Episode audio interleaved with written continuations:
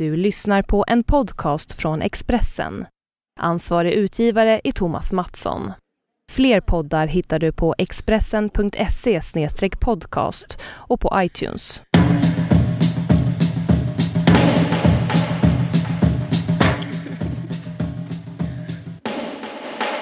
Hej allihopa! Kul att ni har kommit hit och kul att eh, vara här på Dramaten. Kul också att fortfarande vara en del av parollen Unga Dramaten efter alla dessa år. Ja, men vi ska sända en Vargsaxen-podd härifrån och jag heter Liv Strömqvist. Och vad heter du? Jag heter, eh, jag heter Caroline eh, Ringskog Fredanoli. Det är jättekul att vara här. Ja, vi ska prata om solidaritet. Mm. Det, ja. Jag fick så här um, sådana sms från Caroline eh, inför den här kvällen. Caroline har varit uppe och typ dygnat för att hon varit så nervös för att, för att eh, ha den här grejen. Så jag har fått sådana här sms som ska säga. Jag har blivit manisk, jag har varit uppe och läst Heidegger i natt och förstår allt med versaler. Eh, och sen det sista skicket till mig var så här.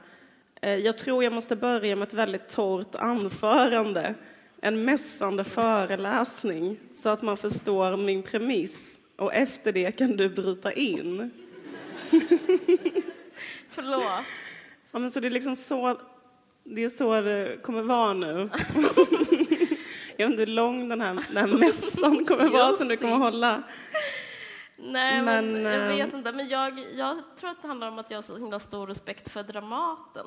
Eh, Jag känner mig Aha. inte värdig att vara här, eh, faktiskt. Du tänker att Jonas Malmsjö vill gå på dessa, exakt dessa tiljor. Faktiskt, för han spelar på precis den här scenen. Ja, precis. Nej, men jag vet inte, men det är också... Det är, nu, vi ska ju prata om det här, vi kan inte bara prata om att vi ska prata om det här. Men ehm, det är ju en svår uppgift att få, att prata om solidaritet. Eh, man kan ju tänka sig hur Alice Bah har liksom, så förstår, alltså att man bara får en, man ska säga någonting om någonting, man bara, äh, gud vad jobbigt, eh, jag vet ingenting om det. Men, men, eh, men eh, så därför, därför är jag tvungen att läsa på Ja. för jag har liksom ingen sån naturlig empati. Nej, jag skojar. Nej, just. Nej, jag skämtar. men, nej, men det är intressant. Det är intressant. Ja, Jag, men liksom solidaritet är också ett, ett ord som kanske inte är så här, man direkt känner jättestark upphetsning när man hör. För det är ju ett väldigt så här halt ord på något sätt. Liksom, vad betyder det ens en gång? Typ så. Och att det är så tömt på innehåll. det känns rätt så omodernt. Alltså, det känns inte så um, samtida. Det, och det, det är ju speciellt att det inte... Eller det, ska säga, det är ett problem kanske att det inte gör det. Ja. Det känns inte populärt med solidaritet. Nej, precis. Nej, men, jag, eh, men det jag gjorde när jag gjorde den här researchen, eh, jag, jag skämtar ju typ, delvis om de där, de där smsen, men, men, eh, men jag läste jag läste rätt så mycket. Jag läste en artikel bland annat som var jätteintressant som handlade om eh, awkwardness.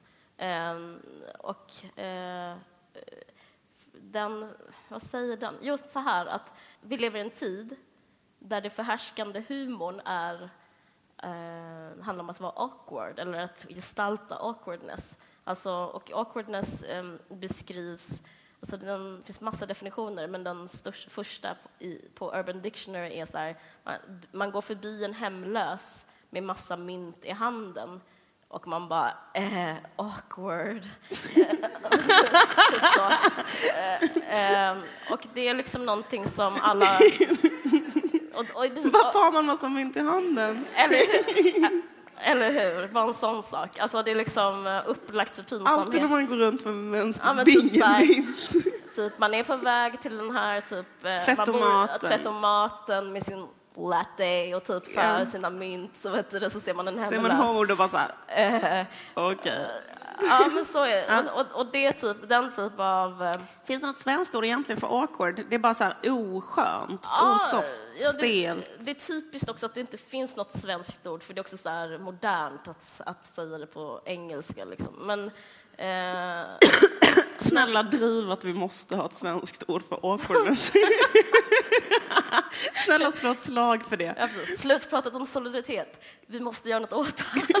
Nej, men i alla fall. Men jag tycker det är intressant, för poäng, ja. det fanns massa olika poänger. Och en poäng i den här texten var att eh, den här typen av humor kan bara uppstå i en värld som, där inte existerar solidaritet. För att, att vara, eh, uppleva en awkward situation, det är lite som när man pratar om att härbärgera ångest, att man, man befinner sig i någonting som är pinsamt men man eh, måste vara kvar i det och liksom andas igenom det och sen till slut så är det över. Och den upplevelsen eh, kan bara ske i en ensamhet. Alltså, det att liksom man befinner sig i samhället och det handlar om att vara betraktare i samhället och vara distanserad från samhället istället för i samhället. Och den, eh, liksom, det existerar, awkwardens tidevarv finns för att vi är, lever i ett individualistiskt samhälle. Eh, och eh, det, det, är rätt intressant. Och det där med Heidegger var att jag började, jag började snacka med min brorsa, inte Nicolas utan Rodrigo, och han håller på och skriver om det här och så pratar han om Heidegger så blev jag, kom jag in på det spåret. För det på, han pratar också om den här ångesten. Han kallar det inte awkward i och med att han eh, föddes på 1800-talet, men han pratar om Dyson som är så här, eh, tillvarons ångest. Och jag tycker det, det handlar också om solidaritet. För att han säger Eh, för att kunna känna liksom lycka så måste man vara hel, känna sig hel med världen. Och eh, ångesten, ångest stegrar och ångest liksom blir tydlig och liksom börjar födas när man känner sig inte, som, inte holistisk och en del med världen utan man känner sig utanför och tittar in på världen och ser tillvarons liksom, eh, att man inte är inne i samhället och agerar i samhället utan man står utanför. Och med det som, den insikten som alla de här existentialisterna fick också, typ Camus, jag vet inte vem som läst Främlingen, alla som har gått på högstadiet har väl läst Främlingen. Den, den börjar typ så här... Hoppar av.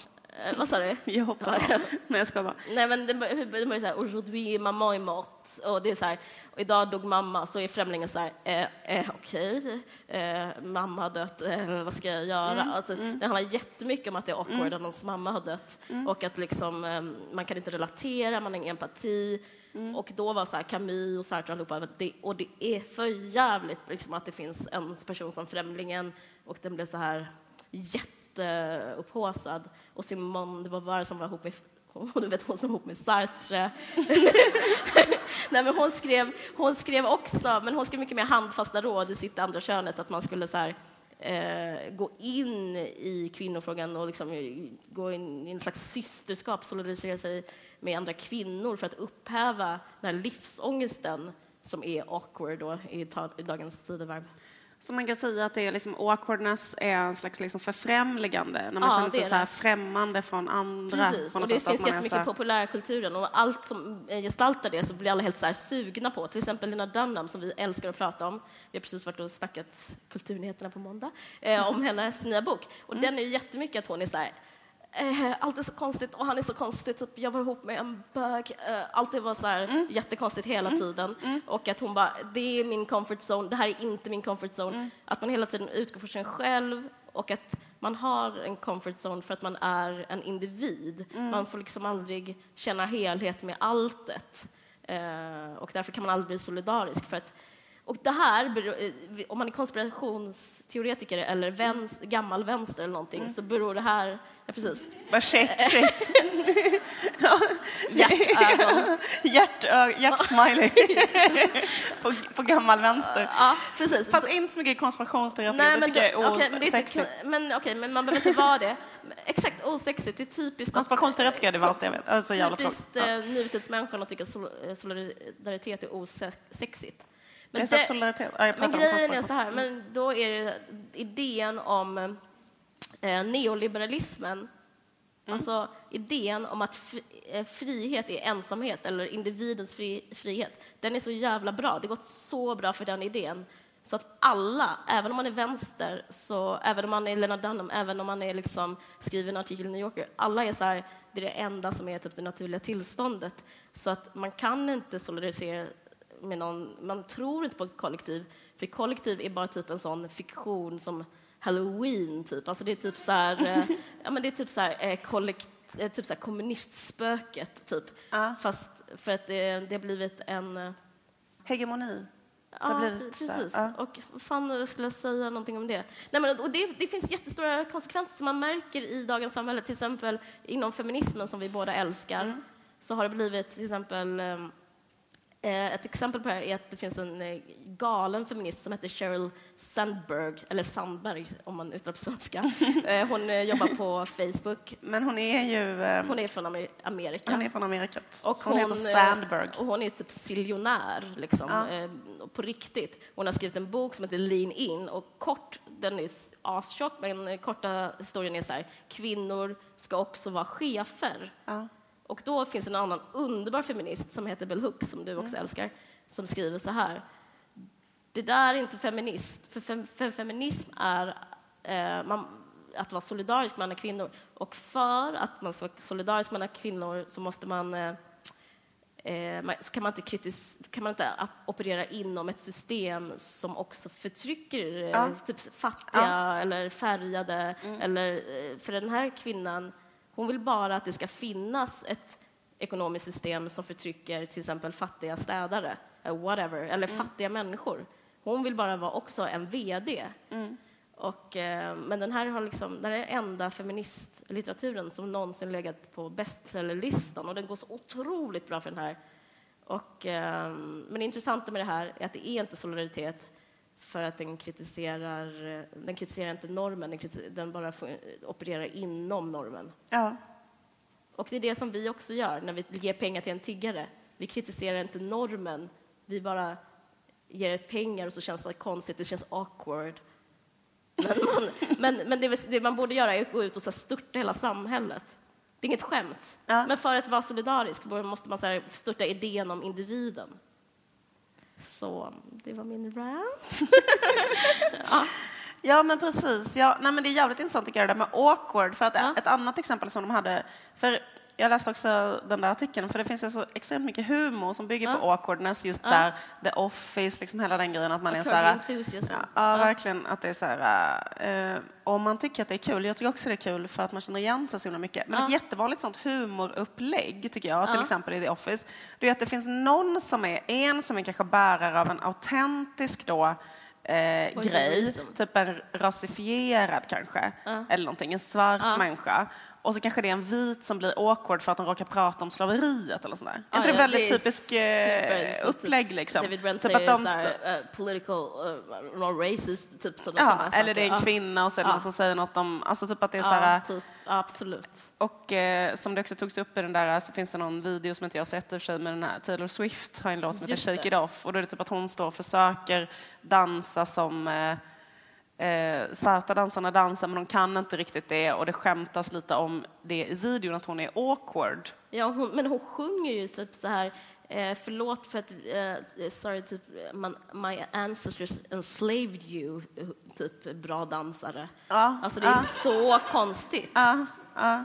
Ehm, det, men det är ju awkward. Ja, men det är jätteawkward, men, liksom, men just den här grejen att så här, eh, det som innan var inappropriate, Ja. typ, har nu blivit awkward. Precis. Alltså, eh, jag eh, kände för länge sedan en kille som eh, kom från Sydafrika, eller jag hängde ett tag med honom, han bodde, eh, skitsamma, vi bodde i Spanien då, men han berättade så här att han var liksom en vit sydafrikan och hans morfar, och så hade han en svart kompis och då kallade det hans morfar hans kompis för boy, typ. Alltså fortfarande för att han är så en gammal vit sydafrikan. Och då min kompis som är någon sån indie-kille, typ hur awkward det var att ha en kompis hemma som hans morfar håller på att kalla boy. Alltså, Ja, det är ju awkward. Ja, verkligen. Det är liksom. liksom inte gå in och agera utan bara liksom tycka allt är så för jobbigt. Ja, precis, men det skulle ju typ kunna vara någon slags sketch då, som Ja, är såhär, gud vilken stel stämning. Eh, typ, eh, Men det, det är, så bara så här, den Men det är liksom också att det är mer och mer och mer, jag tycker liksom det känns som att det, att det blir mer och mer och mer, och mer arenor som är awkward. Ja. Och jag kan själv känna mig, liksom jag har superstarka känslor av att känna mig awkward. Alltså Ja. jättemånga olika situationer. Ja. Att man känner som att man är mer och mer så tycker jag, att man liksom bara kan vara i en viss cell typ. Och Ja. allting utanför den känns konstigt. Ja, men precis som jag pratade om comfort zone och sådana saker. Det, jag ska bara säga det innan jag glömmer det, att det, det, den här texten som vi båda läser refererar till en annan text som eh, som där förklaringen var på varför det och eh, liksom, alltså beskrivningen av det, det är att dagens ungdom, eller vad man ska kalla det, den generation som eh, kanske på 60-talet skulle göra uppror mot rådande normer, de bryr sig mer om värdighet, eller grace, jag vet inte hur man ska eh, översätta det, men liksom eh, att ta sig bra ut, liksom att se bra ut och värdighet. Att vara respektabel ja, eller, eller värdig? Ja. ja. snarare då, ja precis, mm. att vara så estetiskt respektabel mm. eller värdighet snarare än moral och snarare än liksom ja, ja. empatiskt beteende. Så att liksom man har ändrat om på skalan av vad som är viktigt. Liksom. Och, det, och om man har dem så här jag ska inte säga ordet glasögon, jag hatar det när man säger de glasögonen på sig. Men i alla fall, okay. om man har de värdighets-Grace-glasögonen, då blir ju liksom alla situationer som inte är så sköna att vara i, då blir det awkward. Alltså då är inte det liksom... Eh, alltså det, det är påfrestande för ens estetiska sinne, liksom, det här med att någon säger boy eller att någon eh, ja, vad fan det nu skulle vara. Eller att det finns en tiggare. Ja, det är typ så här, eh, det är inte värdigt, det är inte värdigt att bara, vad ska jag göra? Alltså det, är så, det blir så här Magdalena Ribbing, liksom svårighet istället. Ja, liksom. ja. Det är så, ja.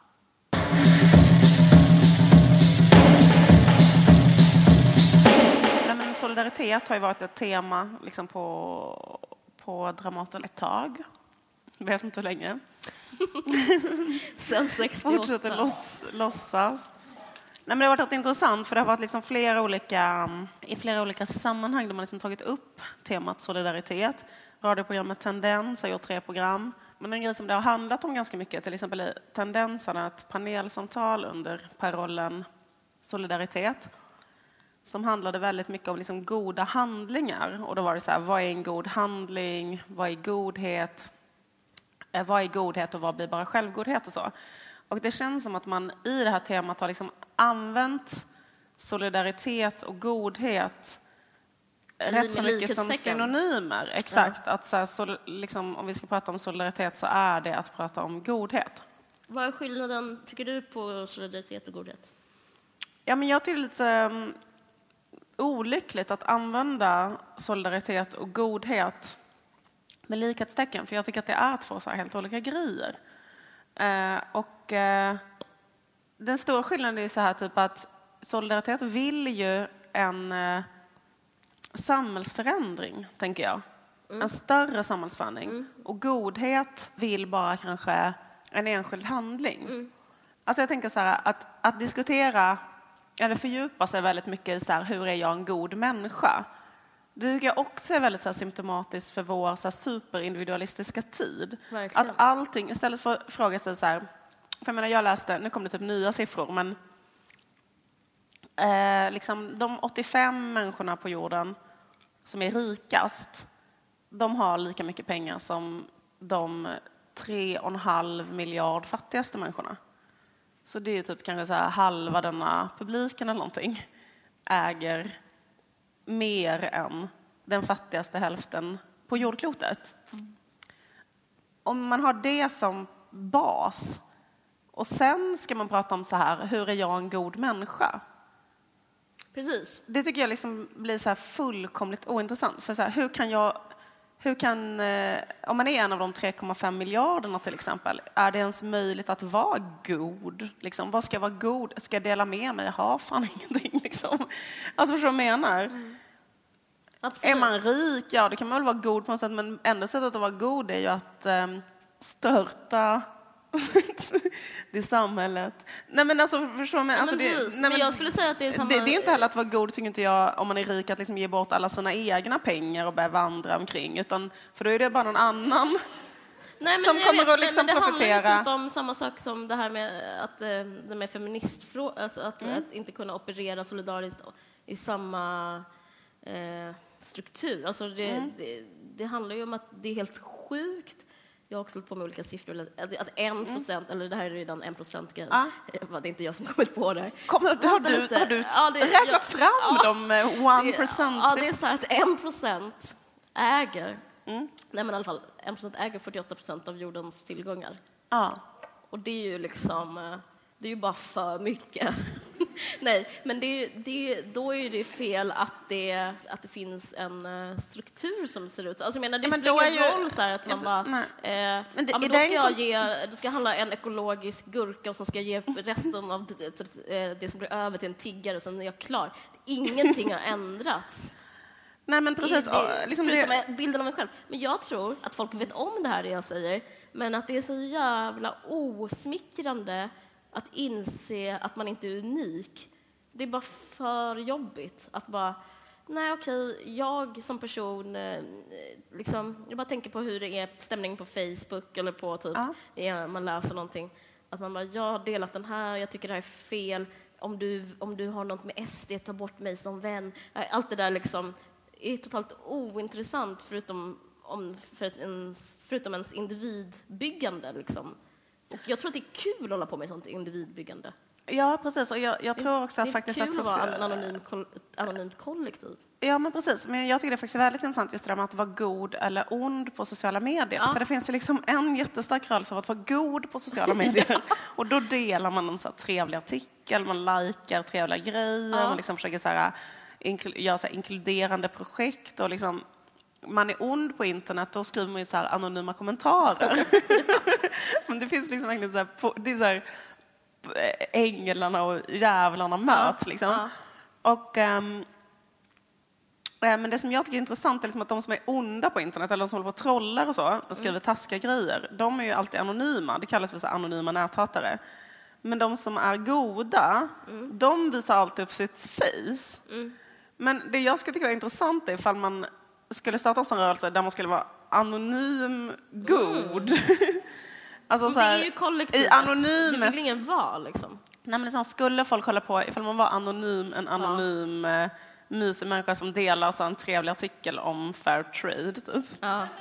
Skulle man vara så peppad på att dela den Nej. artikeln om man inte fick visa sitt face och visa alla så hur duktig man är och präktig Nej, det, man det är? skulle man inte, för det handlar ju om att bygga liksom sig själv. Det är det jag menar. Ja, men att det liksom handlar mer om ett så personligt eh, va- varumärkesbygge. Ja, och jag tror att det är jävligt mysigt och det känns jävligt bra när man har gjort det också. Ja, för det blir liksom som att godhet, eh, godhet är som konsumentmakt, typ. Ja. Att vara god själv, att gå omkring och vara god. Ja.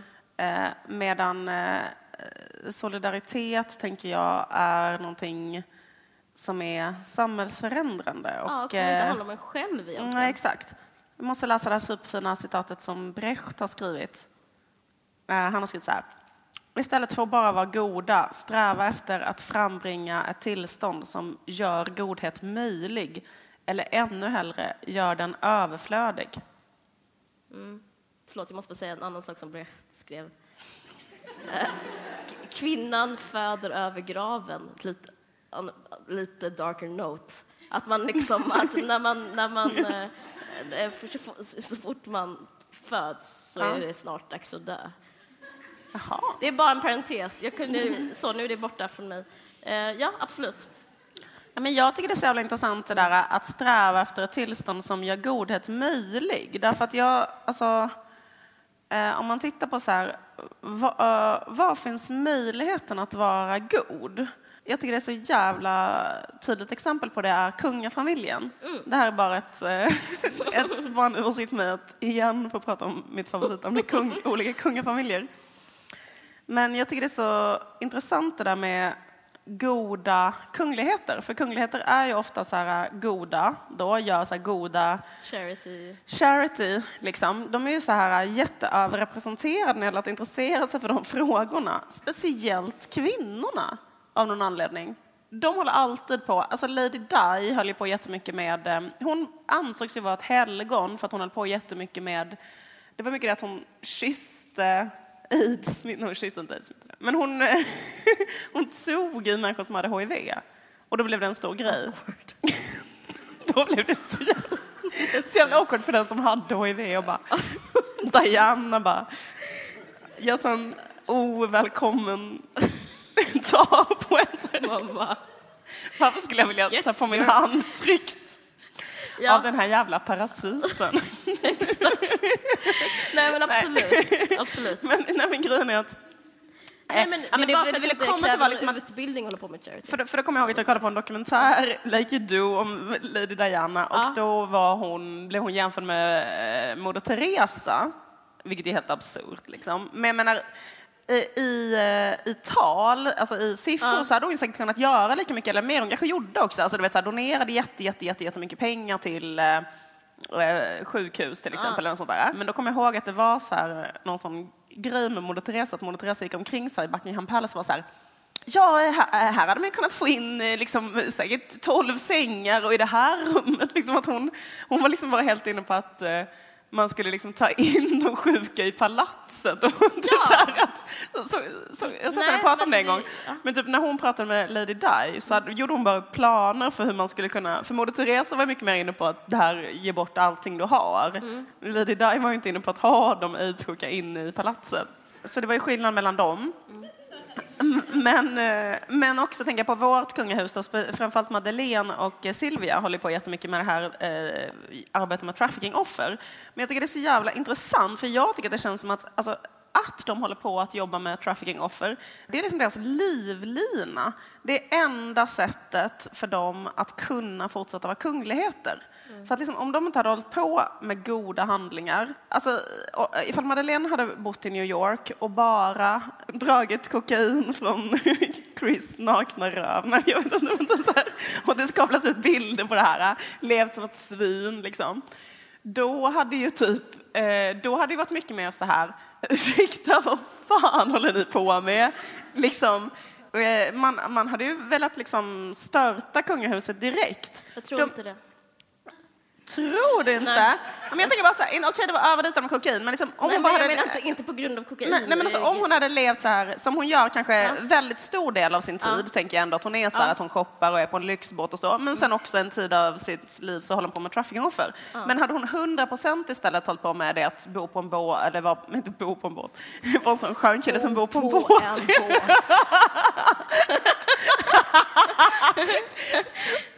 Om hon hade varit en sån skön kille som bodde på en båt och bara byggde på den och hade en sån mössa, Ja, men det hade varit konstigt. Det hade, det hade, det hade, det hade då hade hon blivit avsatt då. Men, ja, det är mycket mer troligt. Nej, men jag menar, men jag, jag tror att eller liksom hela så här kändiskultur och skvallerkultur bygger ju på att typ, eh, eh, mer juice, desto bättre.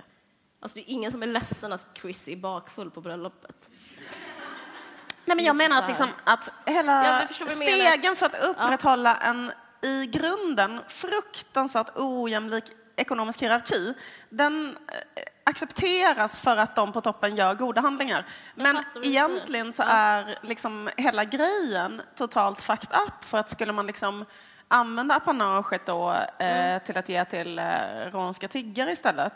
Jag läste så här, det finns inte alls särskilt många romer i eh, Rumänien, det är kanske 650 000 eller sånt där. Mm. Alltså, det, det handlar inte om så många människor. Alltså, om man använder apanaget till det hade man Ja. säkert kunnat liksom... Alltså grejen på är något att du menar att, säkert att kunna... det är deras eh, raison d'être var ett svin att hålla på att hålla med charity. Men jag, jag tror inte, jag, jag, hör dig men jag tror, Ja, jag nej, tror inte det. Jag tror att det liksom, att eh, det är också typ nästan en sån kulturell fråga. Alltså det är så här, att de håller på med charity är ju bara liksom att det är, som också håller på med, vad heter sån sport? Lacrosse. Exakt. Nej men liksom så här, eh, typ så här lacrosse. jag vet inte Nej, vad du men, menar. jag vet, inte, men det, det är typ... Sån det, sport. Ja, men exakt. Alltså, typ eh, lacrosse, tennis, charity. Det är liksom bara typ så här, eh, det är bara en lifestyle. Och eh, jag tror inte Ja, den, jag- jag, jag- tror inte man ska lägga i så mycket godhet, utan mer som en sån... Eh, det är så drömmigt att någon, att någon är så här, har diamanter på sig och håller på och typ så här, ger någonting till typ ett barn. Alltså det är liksom bara... Det är bara my- mys, liksom. Eh, Men alltså, för jag menar, det finns ju tillräckligt med anledning att störta kungahuset, men det är ju bara emo av emotionella skäl att det finns kvar. Det är ju liksom, alla älskar kungahuset, det handlar bara om känslor liksom. Ja, jag bara tänker att liksom... ja, Alltså, skitsamma hur det är med just kungahuset, men det jag menar är den där grejen så här, Ja. vem, för vem är det möjligt att... Alltså att det är ett, det är ett privilegium att kunna vara god. Ja, absolut. Eh, alltså, och det tänker jag också på, för liksom den stora snackisen, eller, Ja. det, eller snacket snacket man ska säga, som har varit nu det senaste året, det har ju varit så extremt mycket kring just de här romska tiggarna. Ja. Och det känns som att alltid när folk ska prata om godhet eller solidaritet eller sånt så exemplifierar man med eh, dem. Mhm. Och de är liksom det första man tänker på för de har blivit så en symbol jättemycket för eh, liksom sk ekonomiska skillnader och så. Och då tänker jag också så att det har kablats ut olika sådana historier där folk kanske så har tagit hem dem och låtit dem bo hemma hos sig och så. Det är också en fruktansvärd orättvisa i att ha en möjlighet att vara god. Ja. Alltså, har de någon jävla möjlighet att vara goda? Alltså, typ så här, det, det är ju det som är, alltså, eller liksom att grunden är en, en grotesk orättvisa. Eh, och sen eh, en annan grej jag har tänkt på med just dem, med, med romska tiggare, det, det finns ju en falang som liksom vill att de ska ut ur landet och tiggeri ska förbjudas och så. Men sen finns det en annan falang som liksom är sympatiskt inställda till dem och tycker synd om dem. Och, men det man håller på med hela tiden, eller snackandet kring de romerna, är hela, hela, hela, hela tiden, tycker jag, rör sig kring människors känsloliv. Ja. Alltså liksom att ett större problem än att de sitter och tigger är alla vita medelklassmänniskor som ska hålla på i olika kanaler älta sådana känslor kring att de tigger. Ja, typ så här, jag mådde så dåligt för att eh, det det, sitter en kvinna, känns för jävligt så här, Ja, men det intressanta med det är att det är sånt jävla känslofokus. Varför är det så mycket fokus, tror du, på bara det eh, känslor, individuella känslor kring dem? Nej, men jag tror... De får vara som palett där folk målar sina, sitt inre liv. Ja, men jag tror att det handlar om den här eh, jättejobbiga låsningen av att... Alltså jag tror folk upplever eh, att det är genuint jobbigt. Ja. Man går förbi en tiggare och eh, man, då, då är den här eh, stämningen av att liksom, här är jag och där är du och vi kan aldrig mötas. Och om jag ger den här personen känns det för jävligt. Om jag inte ger den här personen känns det för jävligt. Allt bara känns skit. Och eh, för det mesta så går man ju bara förbi för att man liksom, det är en slags rutin alla har och, och sådär och sådär. Jag tror att det handlar jättemycket om att eh, eh, man tror att det är upp till en själv. igen. Alltså jag, jag, jag vet inte om det blir en tjatig podd här, men jag tror jag kan inte nog understryka den här grejen med liksom missförståndet om att, man, eh, att, om att det är naturligt med att vara en individ. Liksom. Jag tror att det är den, de, man tror ju bara det är upp till en själv. Liksom.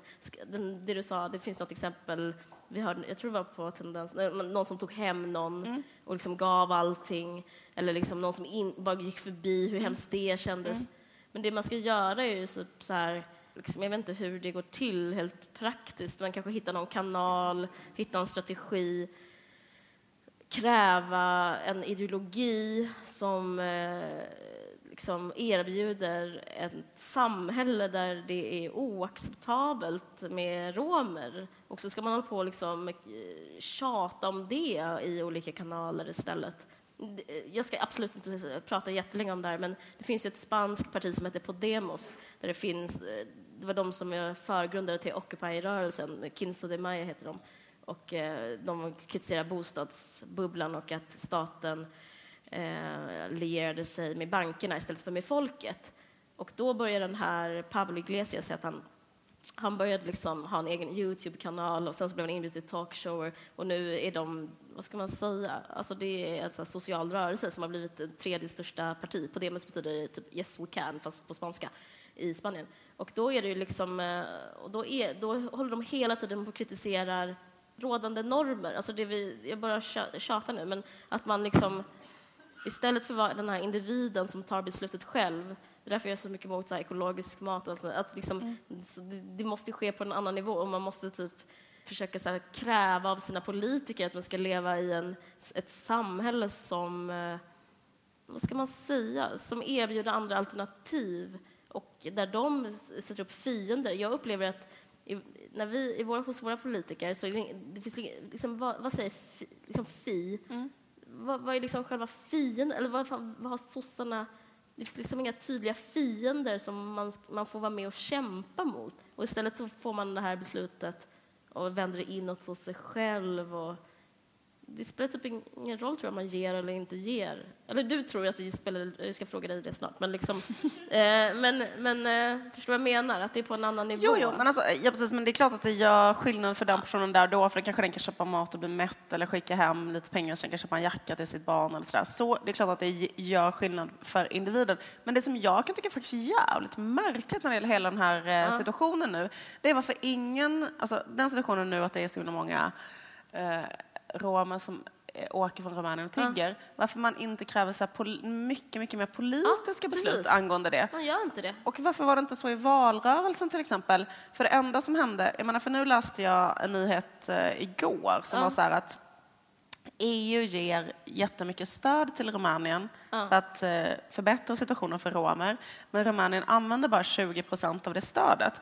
Och ett skäl till det är för att de, är så här, de tycker inte den romfrågan är viktig och de skiter i det. Och de liksom har en jätterasistisk diskriminerande struktur mot romer.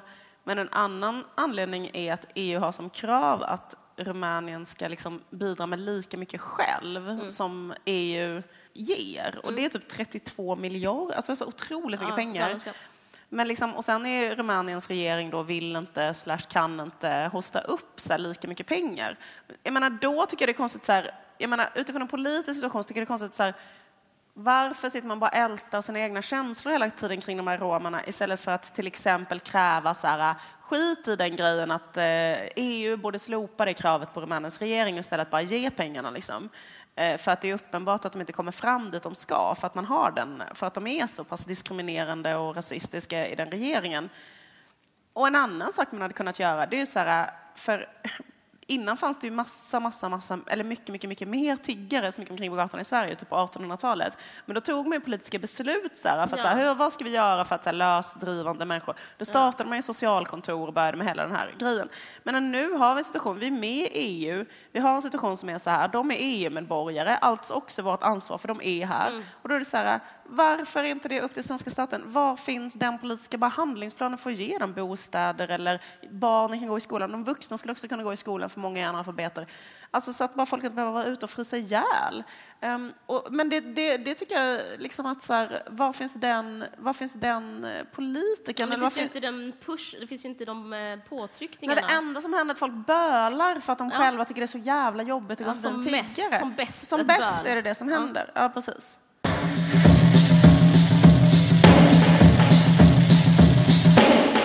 En grej som vi snackade om innan var det där med att solidaritet är ett ord som användes ofta på 70-talet, men att det inte används så ofta nu. Vad tror du det beror på? Hmm, jag tror att det kanske beror på att eh, det var så töntigt på 50-talet. För att här, när eh, efterkrigs, efter, efter andra världskriget eh, så fick liksom kristna värderingar och kapitalismen så det blev så himla så mysig stämning kring det. Och det, var så, det blev så töntig stämning kring det. Och då blev det liksom subkulturer på 60-talet som var så här, eh, eh, vänta lite, kapitalismen gynnar vissa men inte andra. Och eh, om jag ska kunna se mig själv i, i spegeln så måste jag typ eh, eh, solidarisera med dem som har det dåligt. Alltså det blev liksom, det töntiga var kapitalismen mer än, men nu så är ju det coola kapitalismen. Det coola är bara att vara så jävla grym typ själv. Ja, just det. Fast det, det här är bara en gissning. Ja. Vad tror du? Um, ja, jag vet inte, men jag tänker också på den där grejen med individualism som vi pratade om innan, att det är så mm. himla mycket den där grejen att, så här, att solidaritet förutsätter på något sätt en känsla av ett kollektiv. Mm. Och nu så är allas grej att hålla på så himla mycket med olikhet. Att alla är individuella, alla är olika. Mm. Vi har ingenting gemensamt. Men jag vet inte, jag tycker att man har det i alla olika sammanhang. Jag lyssnade på ett program som handlar om G-punkten. och då handlade det om så här, hur kvinnor får orgasm. Och då sa de här sexualrådgivarna så här, bara, varje kvinna, alla kvinnor har en egen individuellt sätt jag att nå orgasm. Också det. Ja. Och då tänker jag också så här, men det tror inte jag. Alltså det, jag tror inte att det är så olikt. Alltså det är så konstigt. Jag tror, inte att det är, jag tror inte att vi är så unika, så att det är som ett sånt fingeravtryck. Så här, att det är så helt... Jag tror ändå det är i samma... Ballpark. Det är samma ballpark hur kvinnor får orgasm. typ. och, men det är bara ett exempel. Jag tycker man hör det jätteofta, så här, bara, alla är olika, alla, alla är olika. Och på ett sätt är det sant, men på ett annat sätt, en annan sak som också är sann, det är att alla är svinlika. Um, ja, exempelvis är det så här, alla vill när de går och lägger sig vill de vara mätta, de vill ha vatten, haft vatten, de vill liksom ha skydd, de vill inte vara rädda. Ja. Liksom, de vill ha ett glas vatten ja. över sängen. Va? Är vi verkligen så lika? Ja, det är exakt. sant. Jag vill också det. Så sjukt. De vill ja. sen, när de behoven, grundbehoven ja. är tillfredsställda, efter det vill de umgås med människor de tycker om, nära och kära. De vill skratta, de vill göra något i sina liv som är meningsfullt, de vill njuta. Japp. Ja, det tror jag liksom är så här, väldigt, väldigt, väldigt vanligt. Mm. liksom. Nej, men absolut. Jag menar, men det som är grejen är då att nu så som det ser ut på jordklotet, de siffrorna vi pratade om innan, då är det ju så att det är en liten grupp som främst ägnar sig åt att njuta mm. och en annan väldigt stor grupp som främst ägnar sig åt att um, an, liksom dels inte ha mat och vatten och skydd och vara rädda och så, men även så eh, den grejen att man måste ägna hela sitt liv åt någonting som man själv tycker är fruktansvärt tråkigt. Mm. Mm. Eh, alltså man måste arbeta med något som är fruktansvärt och ägna hela sitt liv åt det och få jättedåligt betalt. Och någon annan kanske jobbar jättelite och får jättemycket pengar. Liksom. Mm. Men liksom, om man i grunden tänker alla människor är lika, mm.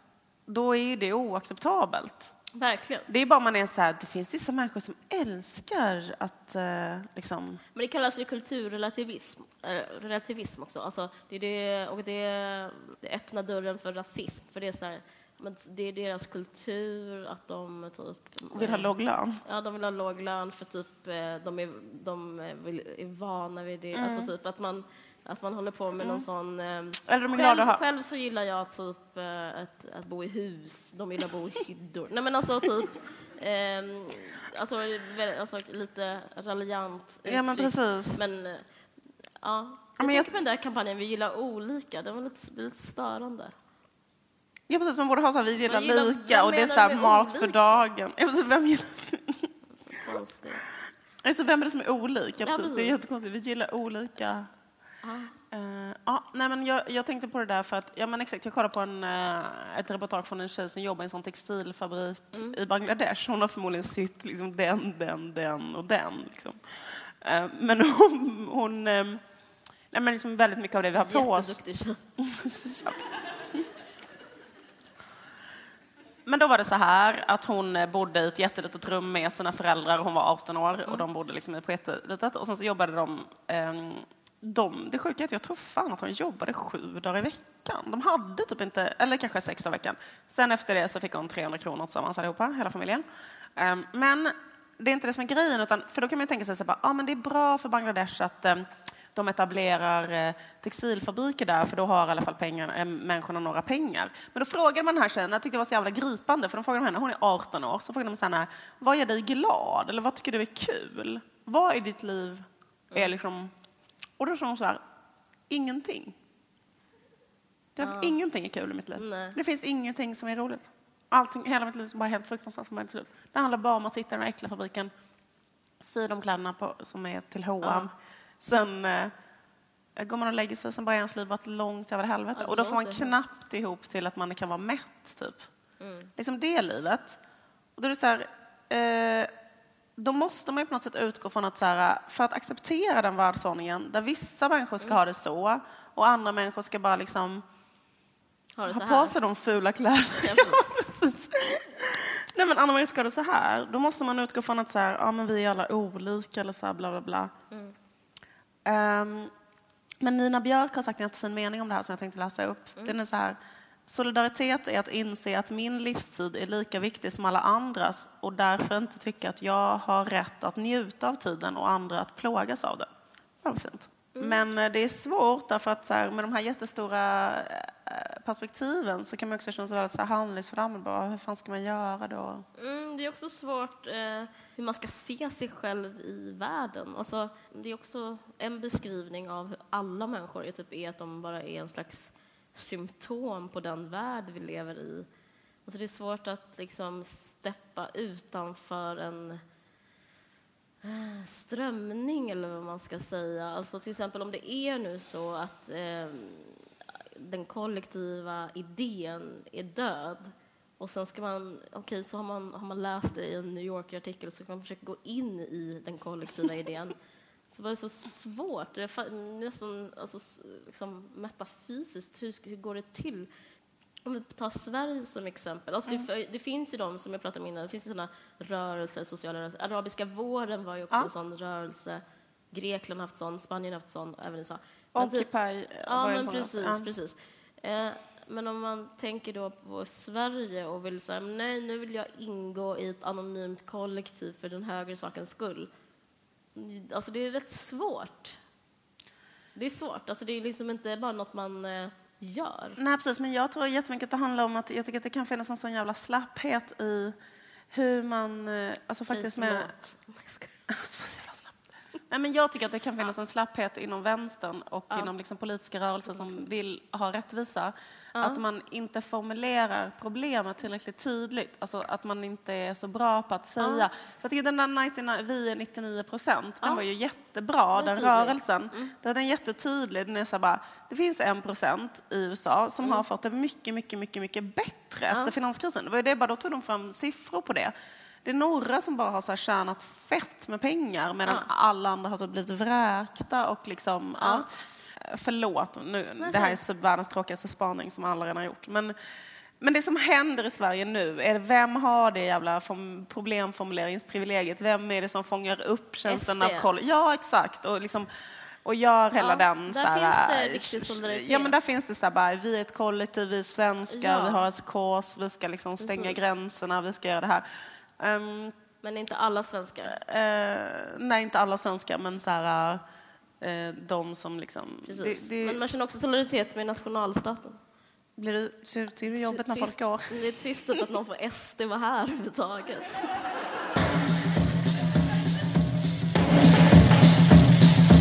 Ja, men jag tycker i alla fall att det skulle kunna finnas liksom um, jag fattar inte heller varför det typ aldrig lyckas, men jag tänker på sådana saker som jo för typ Gudrun, förlåt, nu, nu kommer alla bara eh, gå härifrån. Men för, men för att typ Gudrun skivan dansade med Pharrell, alltså förstår du? Det är liksom också så, sluta gör det. Alltså det skulle vara skönt om vi hade typ en sån eh, rörelse som inte var SD, men som var typ någonting som var mer så här vänsteraktigt kanske, som var så här, det finns det här fienderna, vi har de här målen, vi vill göra det här, och inte hålla på så med något vagt skit någonting om mänskliga rättigheter och plus dansa med någon sån normvurmare liksom. Om man inte vill titta på den här livestreamingen kan man bara kolla på en bild med så här den är står typ så här gammal vänster och så hjärtögon-smiley. Ja. Så får man kontentan av hela den här podden. nej, jag bara. Det är men det är det som, nej men det är inget fel med det. Det är liksom, nej men jag vet inte, men det känns ju väldigt tråkigt att man inte, alltså ett symptom på den här jävla liksom, typ individualismen, hela den grejen, det är ju att man bara pratar. Jag, jag tänkte också faktiskt på det efter valresultatet, så pratade, kände alla ett jättestort behov av att prata om sina egna känslor ja. om valresultatet. Så här, jag är så jävla ledsen just nu, sitter och bölar just nu, har ont i magen just nu. Man bara, ja visst, ja det är mycket möjligt, det gör vi alla. Men liksom. ännu värre, den här min, på min lilla gata så man bara, du sa vad? Ja, men och ännu värre tycker jag så här, sluta skryta om din egen gata för att ja. du, alltså det blir sån cirkel. ja, alltså, jag är trött på allt. Ja, det är eh, jättetrött på allt. Gud. Men, men, ja. det, men det man tänker är ju då bara liksom, var finns... Um, Förlåt. Nej men, nej men alltså typ hela den liksom progressiva så här problemformuleringen så här, mm. hur fördelas egentligen ekonomin i det här landet. Vilka är det som får, vilka är det som inte får? Varför tänker inte sossarna eh, ta bort några skattesänkningar som Alliansen gjorde? I princip inga alls. Varför ska de behålla RUT? Alltså alla de här grejerna. Mm. Det är ju eh, politik som gör att klassklyftorna ökar mm. och eh, det gör att det blir ett ännu mer osolidariskt samhälle. Ja. Men jag tror det beror på två saker. Dels den här grejen som jag var inne på, att, eh, att det liksom, högerns idé är liksom även förhärskande inom vänstern. Alltså man har bara det som upplevelse av verkligheten och typ att individen är det naturliga. Men sen så tror jag också att det inte blir en solidarisk rörelse för att vi har inte så dåligt. Alltså, vi har inte Spanien dåligt Mm. eller Grekland dåligt. Vi, alltså, vi har lite åtstramningar, men det är inte som, eller det är inte som Island. Alltså, det är liksom ändå... Men, jag tycker, ja, men exakt, men det tycker jag så, också är så pinsamt. Vi Ja. var det för bra för Ja. att SD ska gå så bra. Ja, ja, ja. Man bara, va? Nej, typ, precis, ska det inte i alla fall vara lite mer ekonomisk kris innan ni, blir, ni har blivit högerextrema alldeles för snabbt? Så Ja, men det måste bara tolkas som att det finns eh, sån äkta rasism i Sverige. Ja, att men det exakt. inte är så här kontextuellt, så här, nu är det dåliga tider, utan det är så här, äntligen någon som säger, äntligen någon som typ så här, ideologisk rasist. Ja, men det Alltså- tycker jag är så himla konstigt, för i alla andra länder är det så här bara, ah, när det blir ekonomisk Ja, ja, nedgång, då. Mm. växer högerextrema gyllene gryning för mycket så här. I Sverige är det bara så här, vi klarar oss skitbra genom krisen, ekonomin står stark och nu, Mm. Ja. nu blir vi högerextrema. Man bara, okej. Bomba Skåne. Bomba Skåne,